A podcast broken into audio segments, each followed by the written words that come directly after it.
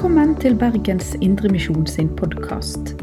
For mer informasjon om oss, besøk oss på betlehem.no, eller finn oss på Facebook og Instagram der som Bergens Indremisjon.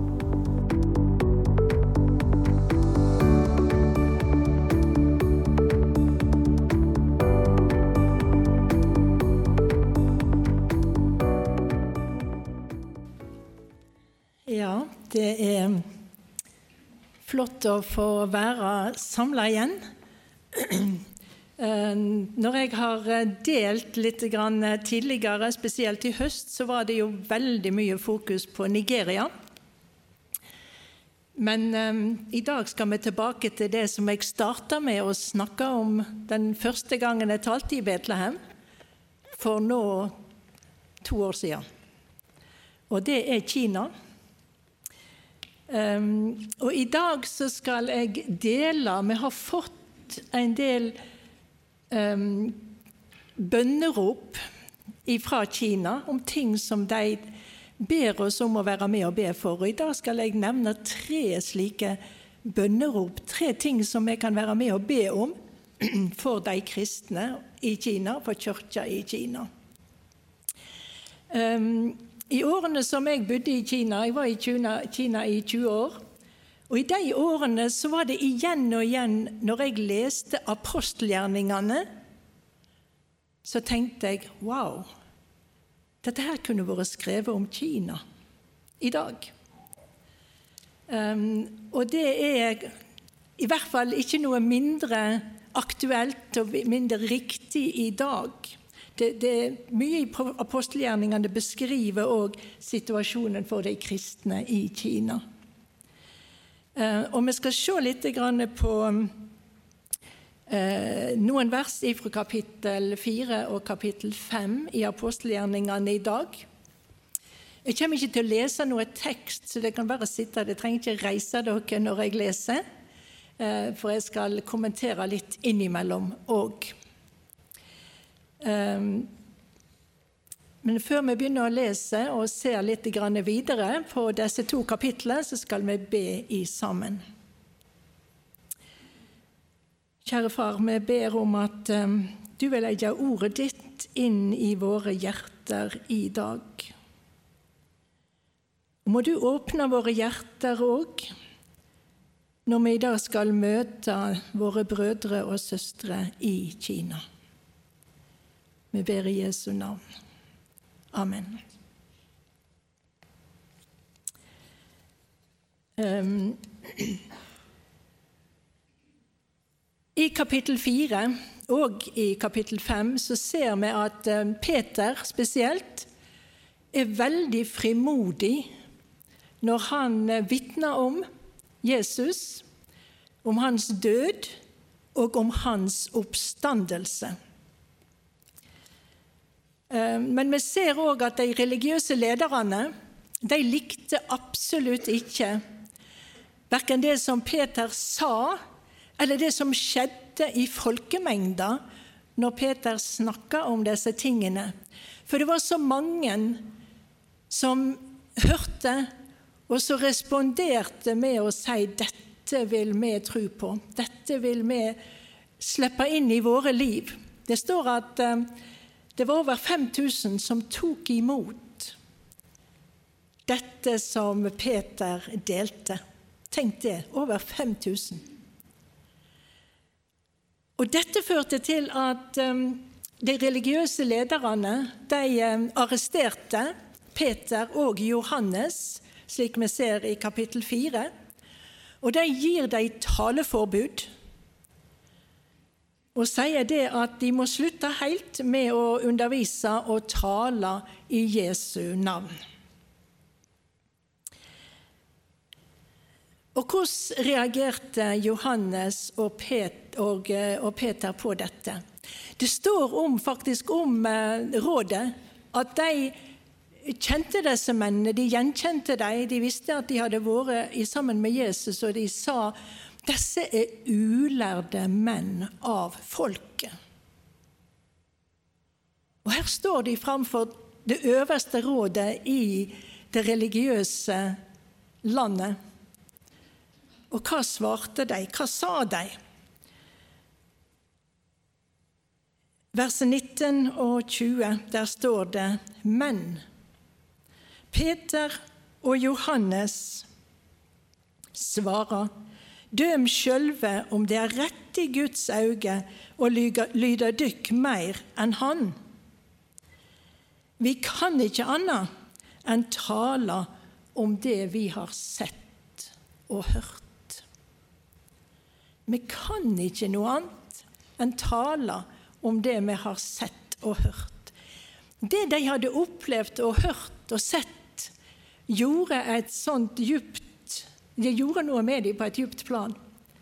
Og de kunne ikke noe annet enn å bringe dette videre, at andre òg skulle få del i dette. Vi kan ikke annet. Det å forkynne evangeliet er ei indre, åndelig nødvendighet for apostlene.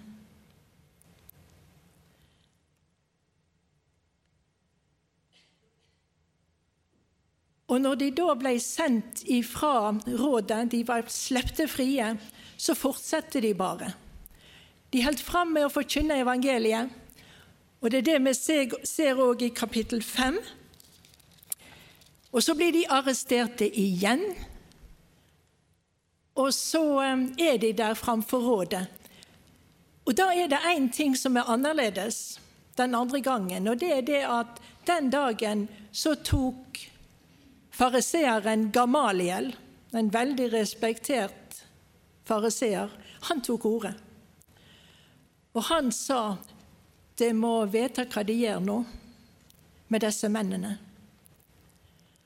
Og så snakker han om forskjellige ting fra vers 33 og utover. Og så kommer vi til konklusjonen av Gamaliel i vers 38, og der skal vi lese. Og der sier han og nå sier jeg dykk, hold dykk unna disse mennesker. La dem gå, for dersom dette er menneskevilje og menneskeverk, blir det ingenting av det. Men er det av Gud, kan det ikke stanse deg. Det kan ikke stanse deg. Det kunne vise seg at det strider mot Gud. De, rådet, de følgde rådet hans og kalte apostlene inn att. De let dei piske, forbød dei å tale i Jesu navn og let dei så gå. De gikk bort fra rådet, glade fordi de var regna verdige til å lide vanære for navnets skyld. Men de let seg ikke stanse.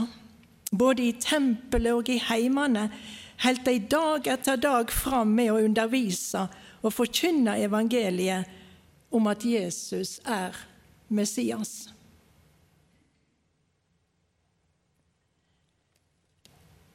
Altså, Vi kjenner det ikke på kroppen, men, men, men, vi kunne egentlig ha kjent det på kroppen her. De fikk 39 piskeslag på en bar rygg. Det var det meste et menneske kunne få, egentlig. Det var en enorm tortur. Og så står det etterpå det så står det de gikk bort fra rådet glade, fordi de var regna verdige til å lide vanære for navnets skyld. Hva er det de har? Hva er det som kan få dem til å si noe sånt? Det jeg ser, det er det at dette blir òg sagt i Kina i dag. Av de kristne som må lide, av de kristne som blir forfulgt. Tenk at vi har den ære å lide sammen med Jesus. Jesus hadde forberedt disiplene på at, at, slike ting ville skje. Og etter det jeg forstår, så vil vi i bibeltimene i høst snakke om eh, saligprisningene fra Matteus 5. Og Der står det òg om dette med forfølgelse. Og Der leser vi i 5.10.: Sele er de som blir forfølgde for rettferds skyld. Himmelriket er deira. Ja, sele er det når folk for mi skyld spotter og forfølger dykk, lyg og taler vondt om dykk på alle vis. Gled dykk og jubla, for stor er løna dykkar i himmelen. Slik forfylde de òg profetene føre dykk. Vi ser i det som vi har lest, at det er tre ting som følger hverandre. Det er en rekkefølge. Det er forkynnelse, så er det forfølgelse, og så er det lovsang.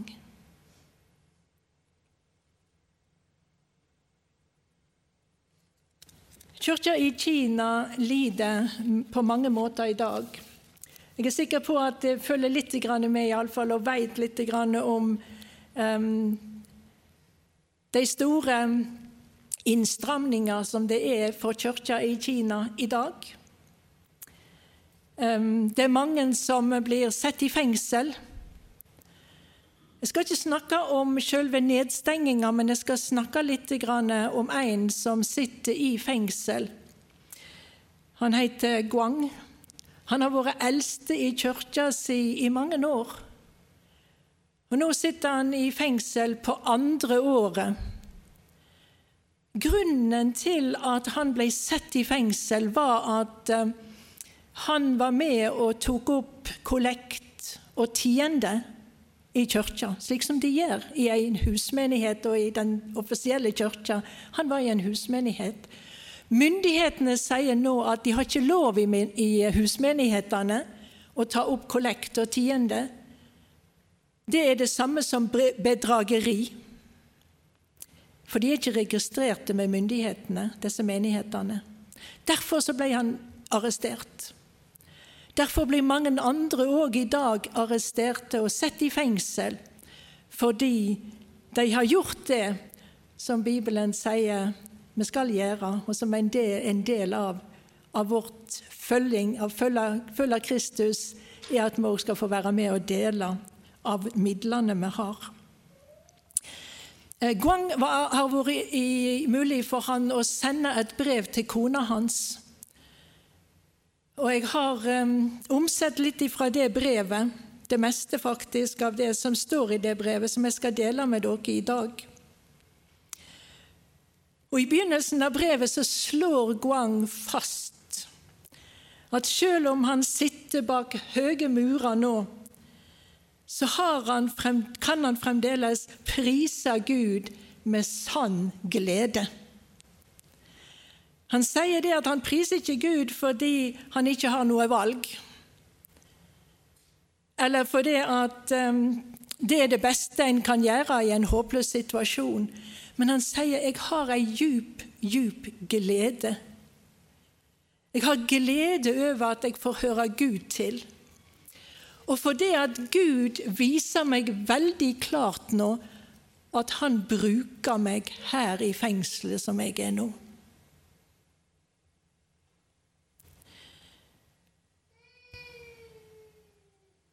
Selvsagt, sier han, kan jeg kjenne på svakhet og på sorg. Når jeg reiste rent ehm, ja, psykisk Jeg blir psykisk torturert på mange måter, sier han. De prøver å, å forandre tankene mine og bevisstheten min. Han sier at forholdene i fengselet er faktisk mye, mye verre enn han noen gang hadde kunnet forestilt seg. Han sier å være i fengsel, det er som å være i helvete på jorda. Han sier det at Daniel i Babylon han var et vitne for Gud, og de trua Daniel med løvehulene med løvehula. Så sier han i det moderne Kina i dag så er fengslene her de moderne løvehulene. Det er der vi er kasta når vi havner i fengsel. Men han sier 'Gud gir meg styrke'. Gud er med meg. Og jeg er så glad for at jeg får være her. Jeg ser at dette er Guds vei for meg akkurat nå, å være her. Og han sier at jeg veit ikke når jeg slipper ut. Kanskje blir jeg sittende to år til. Kanskje enda lenger. Men det betyr ingenting, sier han. Jeg er her nå for at Gud vil at jeg skal være her. Han sier muligheten for meg til å slippe ut, sier de, er hvis jeg kan innrømme, hvis jeg kan skrive under på et dokument som sier at jeg har foretatt bedrageri i menigheten jeg hørte til. Det kommer jeg ikke til å gjøre. Så jeg veit ikke hvor lenge jeg blir her. Han er 66 år nå. Og han sier det at um, han ser nå enda klarere enn han har gjort mens han arbeider i husmenigheten, så sier han jeg ser nå enda klarere den dyrebare velsignelsen det er å få bli brukt av Gud.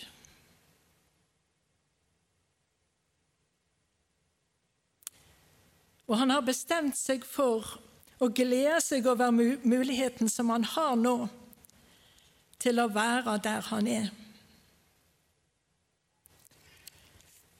På slutten av brevet så skriver Guang ei bønn som jeg vil lese for dere. Hør hvordan han ber. Jeg takker deg, Gud, for alle bønnene som mine kristne brødre og søstre ber for meg. Miskunnsame himmelske Far, jeg er fullt klar over at jeg fortsatt vil ha det vanskelig og kjenne svakhet og sorg. Jeg vil nok fortsatt gråte ukontrollerbart innimellom. Og i den stille natta er jeg redd for at ensomheten vil fylle meg. Men siden Din hellige ande løfter meg opp vil sorg aldri bli melodien i sjela mi.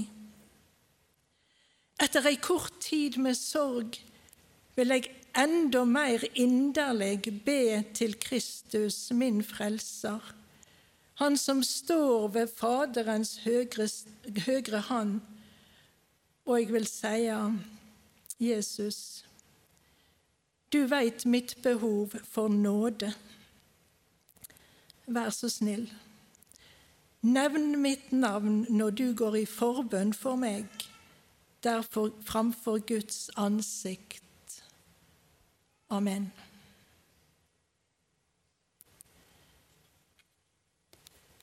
De som sitter i fengsel i Kina i dag, kan du og jeg få være med og be for.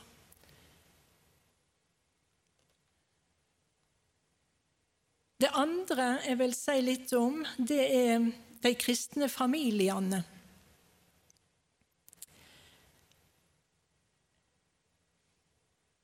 Før jeg sier noe om det, så vil jeg si det at mer enn 11 millioner ungdommer ble ferdig med sin eh, universitetsutdannelse eller annen utdannelse i, på sommeren 2023.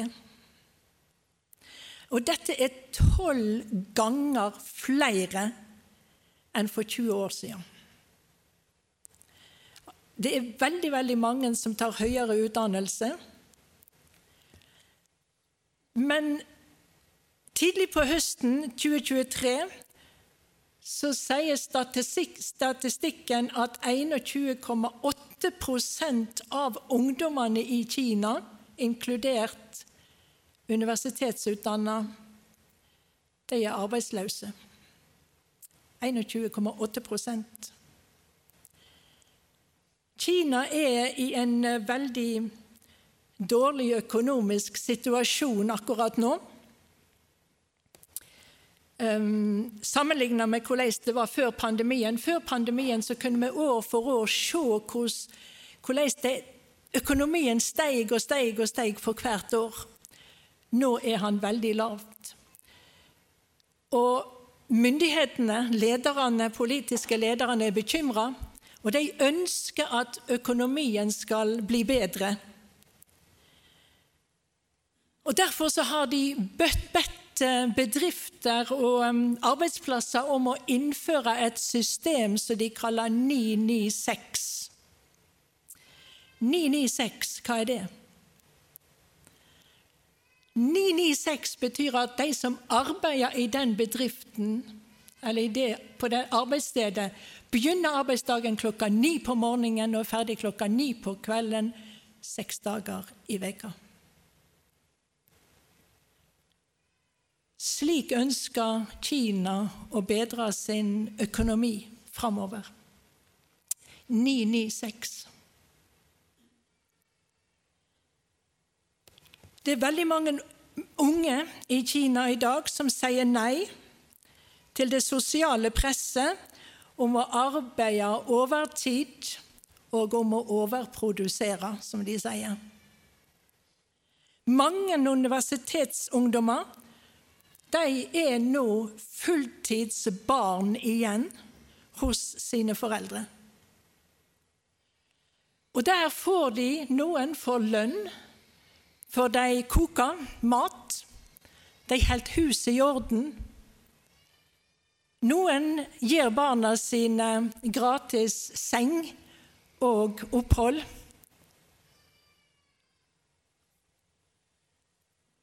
Dette er en komplisert situasjon for enormt mange, både barn og foreldre. Og det kan se nesten umulig ut å løse men likevel så er det noe veldig positivt her som jeg har lyst til å dele. Og det er her dette med bønn, forbønn, kommer inn. Det har begynt å skje noe nå i kristne familier i Kina.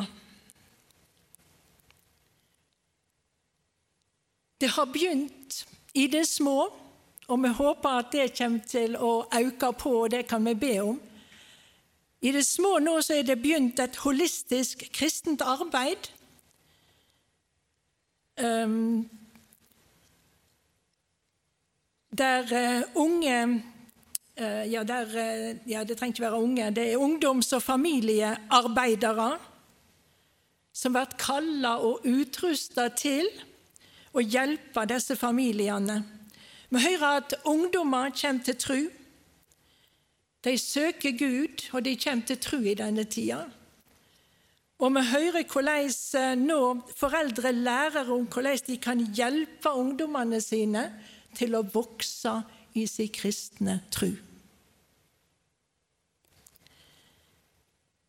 Og Gud fører nå barn og foreldre tettere i sammen. Og gjennom dette unike og tidsaktuelle arbeidet så ser vi at um, de er i startgropa. Vi ser ikke frukten av dette arbeidet ennå, men dette arbeidet som de nå driver, det tenker de det kan få store konsekvenser for generasjoner som kommer seinere. En mann, en kristen mann sier han og kona har som en visjon at mange, mange kristne foreldre vil gå inn i dette med å lære opp sine ungdommer som nå er der hos dem, og vokse i den kristne tru. Han sier denne mannen sier nå er familiene viktigere enn noen gang. Tidligere så gikk all undervisning i menighetene det foregikk på søndager og i kirka. Han sier nå, når det er så vanskelig å samles i kirkene, så må vi satse på familiene. Det er der vi nå må prioritere. Det er der Guds rike nå må fortsette å vokse og der vi kan gjøre en forskjell. Og der disse ungdommene seinere kan være med og dele det de har fått, med framtidige generasjoner.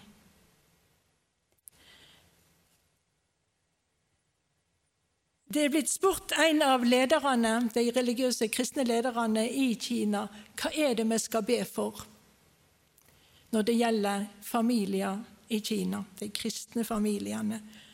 Og de eh, gir da fire ting som de ber oss om å be om. Om ikke de husker alle tingene Jeg skulle egentlig ha gitt dere et oppsett over alle bønneemnene i dag. Eh, etter møtet, men dere kan be for det som dere husker, og det Gud minner dere om å be om. De sier de må be for de unge i Kina, at evangeliet må gi et håp, og at evangeliet må gi mening i livene deres i den vanskelige situasjonen som de nå står i. Be for de kristne heimene, og be Gud om å utruste kristne foreldre med visdom med mot og med kjærlighet i tjenester med å hjelpe sine barn og ungdommer på trusveien deres. På. Og det siste at Gud vil reise opp neste generasjon av kirkeledere i Kina gjennom dette arbeidet. De har fått en visjon som nå, selv om tidene er vanskelige i Kina, så er denne visjonen med på å holde dem oppe, og de sier det er dette vi må prioritere nå. Det er slik vi må tenke nå. Ikke bare hvordan vi skal gjøre det i situasjonen i dag, men hva som vil være godt for framtida for kirka i Kina.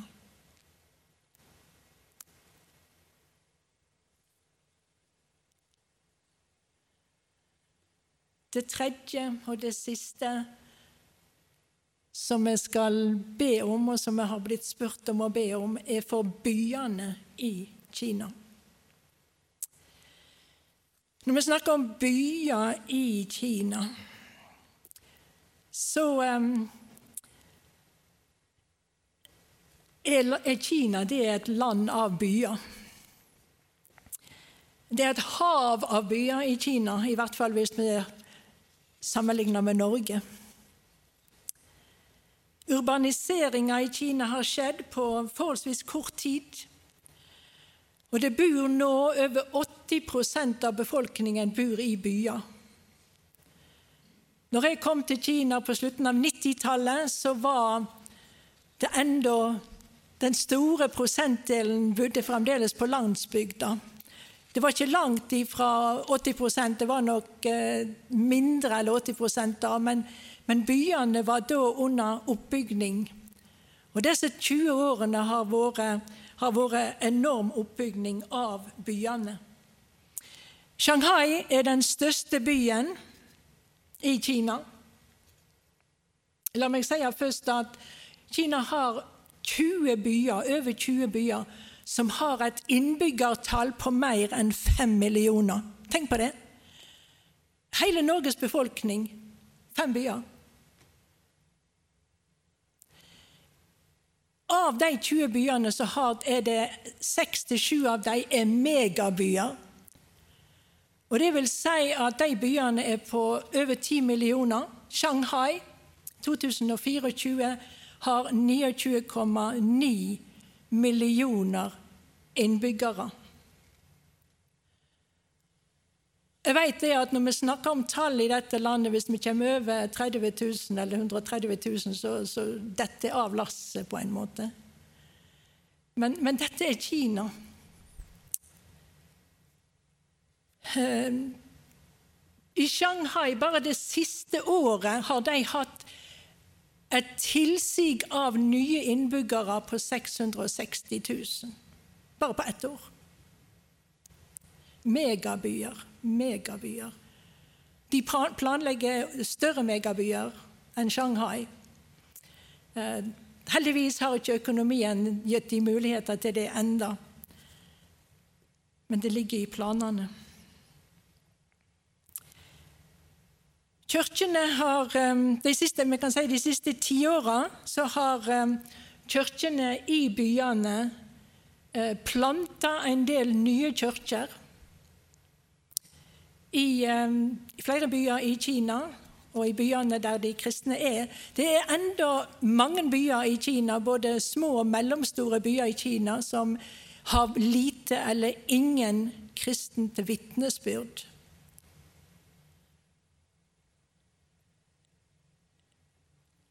Men hovedprioriteringa for kirkene de siste tiårene, par tiårene har vært å bygge sine egne menigheter.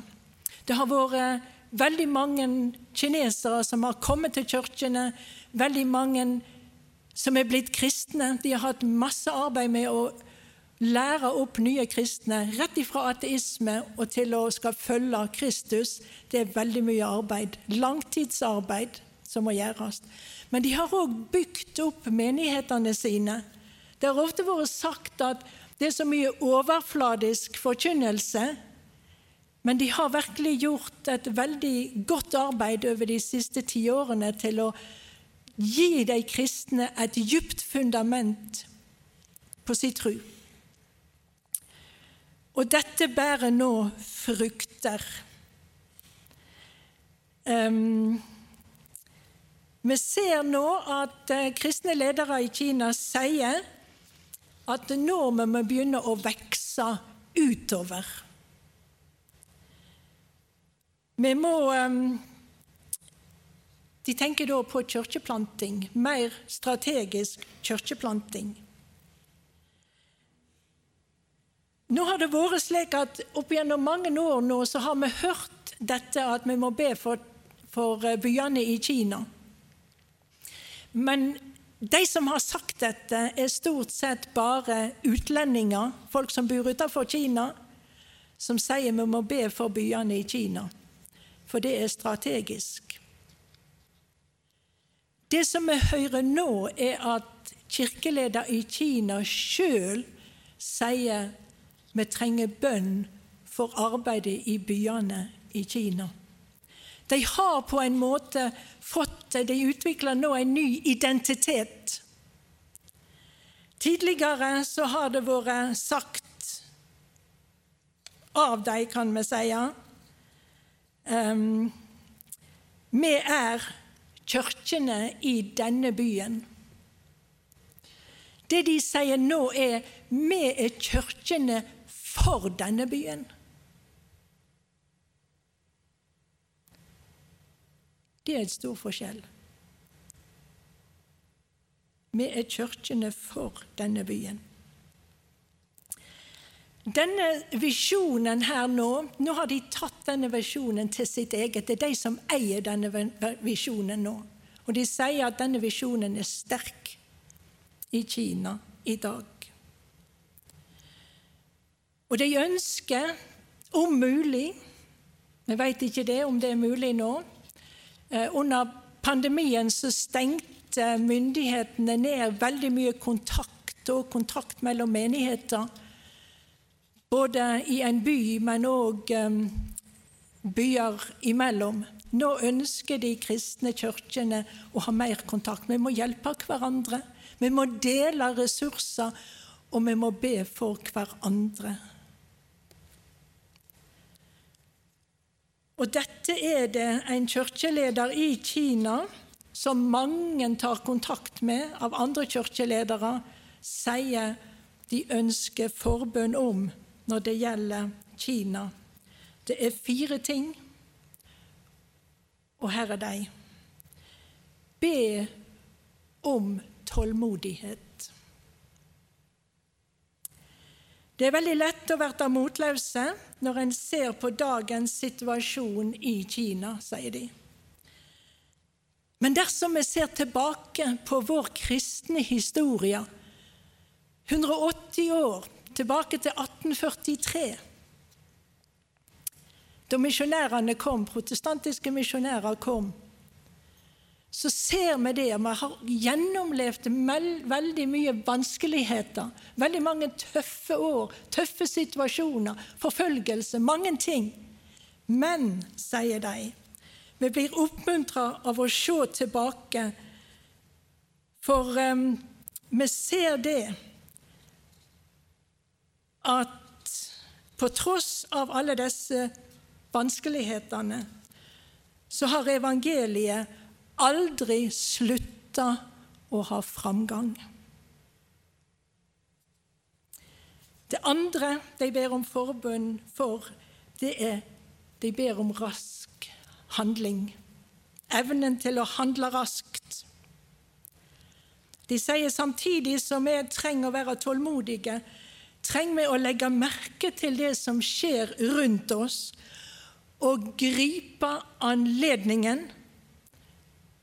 når Gud gir oss anledninger, griper anledningen til enhver tid. I den nåværende tida er det veldig mange kinesere, mange mennesker rundt oss, som har store problemer pga. arbeidsløse, pga. sin egen økonomi. Hvor skal de klare seg? Og på grunn av dette, hør hva de sier, så er folk mer åpne for evangeliet nå enn de noen gang har vært tidligere. De er desperate i denne situasjonen. De er så åpne. Vi må være raske nå og gi dem evangeliet. De sier de neste to til tre åra vil være en nøkkeltid. Og vi må gripe mulighetene som denne tida nå gir oss.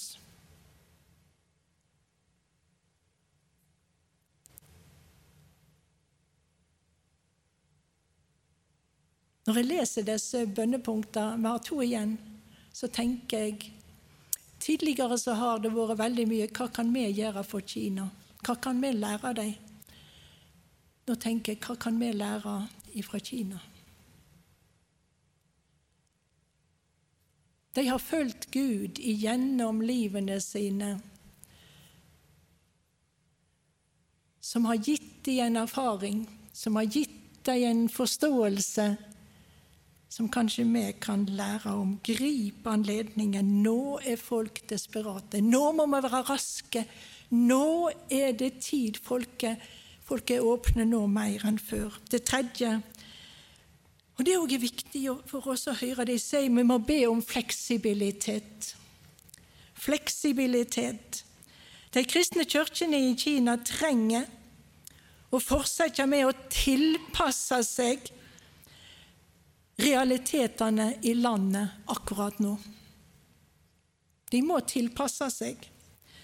Vi kan ikke bare gjøre slik som vi gjorde før. Vi trenger å rejustere og tenke nytt. Ting forandrer seg fort i Kina, og kirkene må være forberedt på å gjøre raske forandringer nå og i framtida.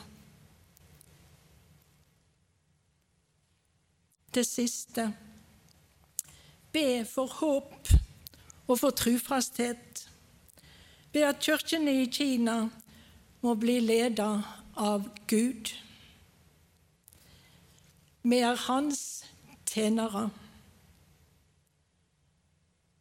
Vi må verte mindre, slik at Han kan bli større.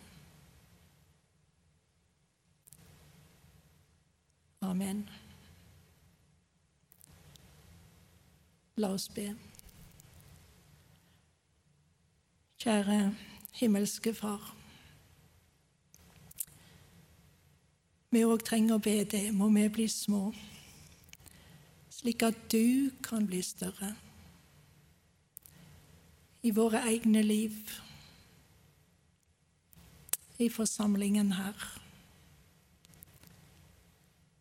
Herre, vi ber at du må lede oss. Men først av alt nå så vil vi be for de kirke, dine barn i Kina, som har bedt oss om å be. Bedt så må be for de som sitter i fengsel. Herre, Herre, du må se til hver eneste som sitter der, som er usikker på framtida si. Vi ber deg at du må være med deg. Du må være med familiene dine som sitter hjemme. Ektefelle og barn. Herre, må du få omslutta dem med din nåde, med din godhet, med din trufasthet. Herre, vi ber for de kristne familiene i Kina. Vi ber for denne visjonen som du nå har planta i kristne ledere, at de må prioritere arbeidet med heimene. Herre, vi takker deg for det du skaper, det du gjør i de kristne heimene i Kina nå, denne begynnelsen som vi ser. Herre, må dette få gro og vokse og spre seg må du ruste ut disse som eh, lærer opp foreldre til å ta ansvar for å lære opp sine egne ungdommer. Og vi ber deg, far, at du må få verne om heimene, som er byggesteinen i samfunnet og i Kina. Og Herre, vi ber for um, byene i Kina. Vi ber, Herre, at denne visjonen som du òg har planta nå med å vinne byene, med de store åpningene som er der nå, at de må bruke anledningene som du gir dem i denne tida. Velsign de kirka i Kina. Og Herre, det er del av vår kropp. Herre, vi ber at vi kan òg stå sammen med deg, skulder ved skulder, i bønn. Vi ber i Jesu navn. Amen. Du har lytta til Bergens Indremisjon sin podkast. For mer informasjon om oss, besøk oss på betlehem.no, eller finn oss på Facebook og Instagram der som Bergens Indremisjon.